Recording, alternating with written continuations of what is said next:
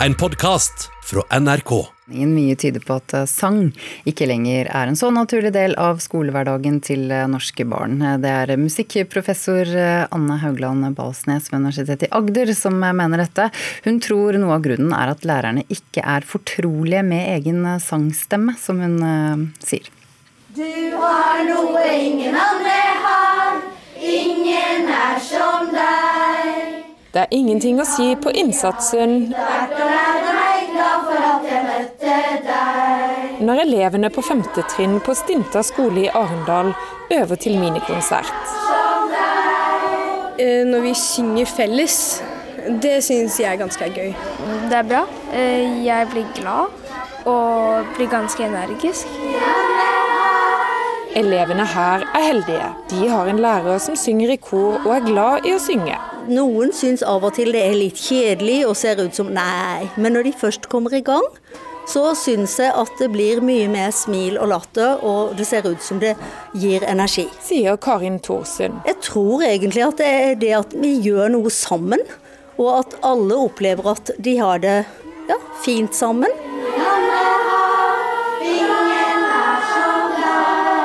Det er ikke lenger sånn at alle lærere er fortrolige med å synge med elevene sine. Sier professor i musikk Anne Haugland Balsnes ved Universitetet i Agder. I, i gamle dager så, så, var det jo mye mer sånn at det var en naturlig del av det å være lærer. Da måtte du kunne synge, og du hadde sangtimer, og det var mye sang også i lærerutdanningen.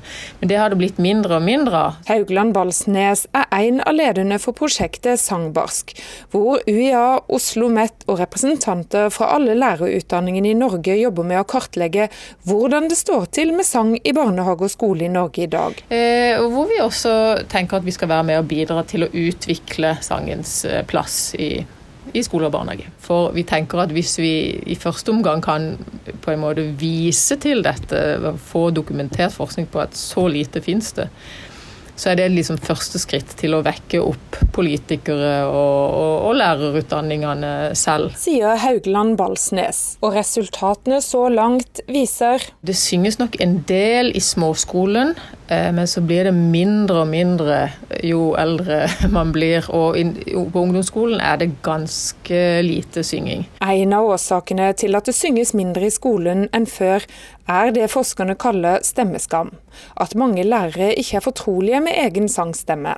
Lærerne mangler trygghet til å gjøre det som en naturlig del og dermed så blir det noe for spesielt interesserte, eller eh, ja, at ikke det blir noe som alle driver med, men bare noen spesifikke personer.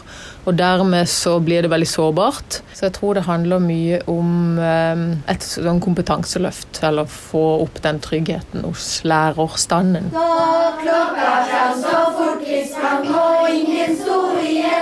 I tillegg til å kartlegge hvor mye som synges, ser forskerne òg på hva som synges. Arbeidet skal resultere resultere i sang- og musikkappen Trall. Den skal være et hjelpemiddel til de som vil synge i skole og barnehage. En sangapp for lærerne, altså. Reporter Miriam Grove.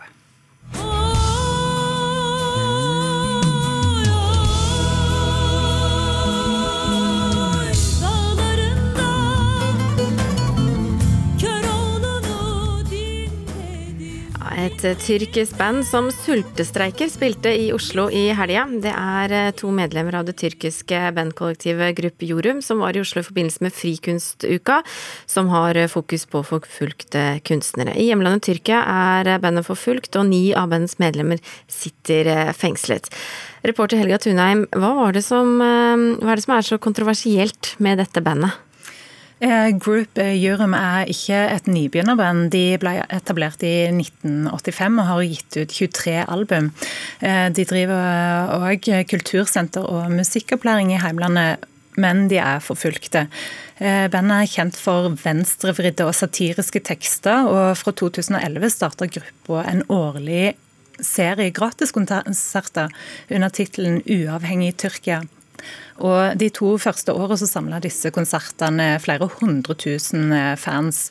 Eh, gruppa har blitt forfulgt og trakassert i flere år, og spesielt etter kuppforsøket i Tyrkia i 2016 er situasjonen for bandet blitt vanskeligere. Eh, konserter og album har blitt stoppa, eh, og bandet skal ha blitt eh, utsatt for politireid der instrument ble knuste. Og Samme år så ble òg flere av bandmedlemmene arrestert, men senere løslatende. Hvordan er situasjonen for gruppa nå, da? Akkurat nå så sitter ni av bandmedlemmene fengsla i Tyrkia. Eh, de to medlemmene som var i Oslo i helga, har sultestreika i 200 dager og er nå inne i sin siste fase, som blir kalt dødsfaste. Eh, sangeren Helin Bølek har mista hørsla og synet som følge av fasten, og de to holder fram dødsfasten med krav om å få spille sin musikk uten forfølging. Takk, kulturreporter Helga Tunheim. Da skal vi til eh, teatret, for eh, da forfatter eh, Edvard Hoem fylte 70 år for omtrent ett år siden, fikk han en gave fra teatret vårt i Molde og Det Norske Teatret i Oslo. Og denne gaven var at Hoems bok 'Slåttekar i himmelen' skulle bli teater. I helgen var det upremiere på Det Norske Teatret. Hør her. Her ble han dikta fram. Han ble dikta fram av luft og ingenting av lyset over Molde og Rekneslia, av vinden som rusker oss i håret, og regnet som faller på markene og mennesker i fortid og i nåtid. Han heter Knut Hansen Nesje, men folk kaller han bare for Nesje.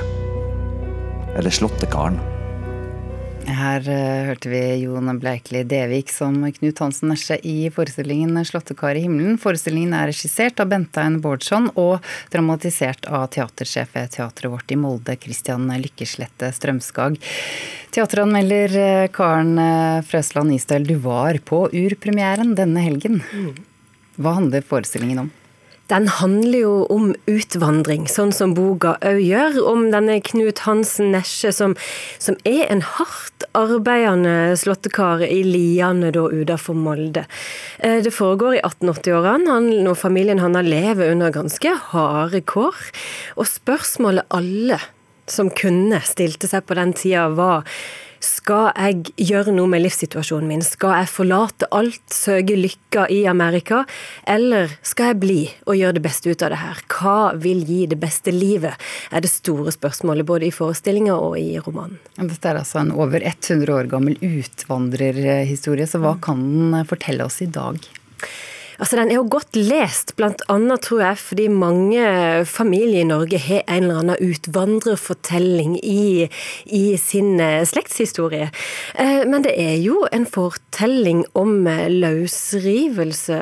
Det at barn velger å gå en annen vei enn foreldrene f.eks. For hadde tenkt for dem, at de trosser tradisjonen. Det er jo et annet stykke på Det Norske Teatret som handler om akkurat det samme som spiller akkurat nå, Kong Leo. Men òg så handler handler 'Slåttekar i himmelen' om det nådeløse i å måtte velge. det et sånt stort valg som dette her. Eh, forskjellen datias, til, mellom datidas menneske og nåtidas er jo at eh, i 'Slåttekar i himmelen' så så de jo seg sjøl som en del av Guds plan på en eller annen måte. Altså det var viktig hva Gud ville med livene deres. Eh, og svarene finner de likevel i seg sjøl, både i boka og i stykket. Så det finnes ganske mange likhetspunkter til hvordan vi tenker i vår tid. Så hvordan ser dette ut på scenen? Ja, det er konsentrert om kvalene rundt det å velge, da. Arne Nøst har scenografien, og han Altså, scenen er stor og mørk. Det er som et stort, mørkt rom. Og så åpner det seg sånne revner og, og åpninger og vinduer ut mot verden i dette mørket. Og der, i disse åpningene, så ser vi vestlandsfjell, vi ser ser natur og vær og litt sånn av det forjetta land Amerika synes òg. Så det er en utsikt som enten får deg til å ville bli, eller til å ville dra. Og dette mørket, kontrastert med disse vinduene, det underbygger liksom denne indre prosessen som et valg da er. Har det blitt en god forestilling? Ja, det er blitt ei forestilling som er veldig tro mot boka, respektfull mot boka, og kanskje litt for respektfull, lurer jeg på. Det er kanskje greit når det er en 70-års bursdagsgave? Ja, det kan du si, men, men sånn stoff tåler òg mye motstand, mener jeg. Det er blitt en litt langsom forestilling, særlig i første del. Eh, det er mye som skjer, men det går liksom sakte. Det er noe med tempoet der som jeg syns de kunne gjort noe med. Men det er en interessant fortelling, en interessant forestilling, fordi den er så nær og fjern på en måte på, på samme tid. Og spillet mellom de tre hovedkarakterene, Nesje, kona hans og svigerinna, noen drar, noen blir, det er dynamisk nok og godt nok til at det blir et driv framover. Og for de som er HM-fans, så vil de oppdage at det er bakt inn ei HM-salme inni i forestillinga, og det kan man jo glede seg over hvis man er glad i sånt. En dynamisk slåttekar i himmelen, eh, som altså først skal spilles ved Det Norske Teatret i Oslo, og i august så skal den spille ved teatret vårt i Molde og turnere i Møre og Romsdal. Teateranmelder Karen Frøsland Isdal, takk skal du ha.